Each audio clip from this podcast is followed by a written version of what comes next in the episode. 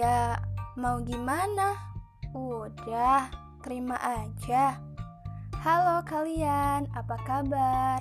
Semoga baik selalu ya. Oke, setelah membahas tentang sebuah proses, aku mau bahas teman akrabnya proses, yaitu nerima. Menurut kalian, apa sih definisi nerima itu? Bagi aku, nerima tuh kalau kita usaha tapi hasilnya berbeda. Jadi gini, misal nih, aku punya plan A. Aku udah usaha dong sebisa aku dan semaksimal yang aku mampu.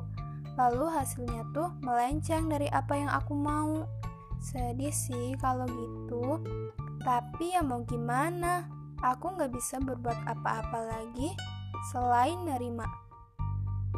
Nah, habis itu pastinya kayak bingung mau ngapain lagi kan? Karena aku tahu banget kalau udah usaha mati-matian tapi hasilnya song. Jadi kayak nggak mau ngapa-ngapain dan nggak mau usaha lagi. Tapi setelah beberapa hari, bulan, atau tahun telah terlewati, aku baru sadar mungkin yang diberi oleh Sang Maha Pencipta memang lain, tapi selalu jadi yang terbaik. Memang, aku taunya telat.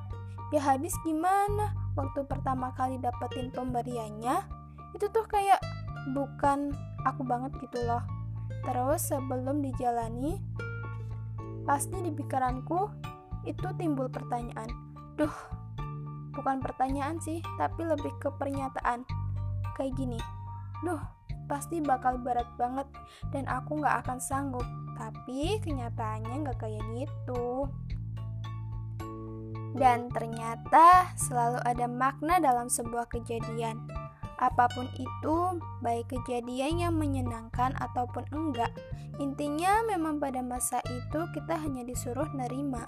Iya, nerima banyak hal yang awalnya bagi kita mustahil untuk cocok sama kita. Mustahil kita bisa jadi manusia yang lebih baik dan mustahil-mustahil yang lainnya yang padahal itu semua hanya ketakutan semata. Jadi podcast kali ini memang pendek sekali, ya karena aku cuma mau bilang ketika kamu dapat masalah, dapat rezeki tapi yang bukan kamu banget atau yang gak kamu mau, kamu cukup berterima kasih dan menerima itu. Kalau nggak bisa berterima kasih, ya jangan bilang ke Allah kalau engkau tidak adil. Yakin deh sama aku, kalau yang Allah kasih tuh pasti yang terbaik. Sebelum kalian paham kenapa hal itu jadi yang terbaik untuk kalian, kalian harus nerima dulu.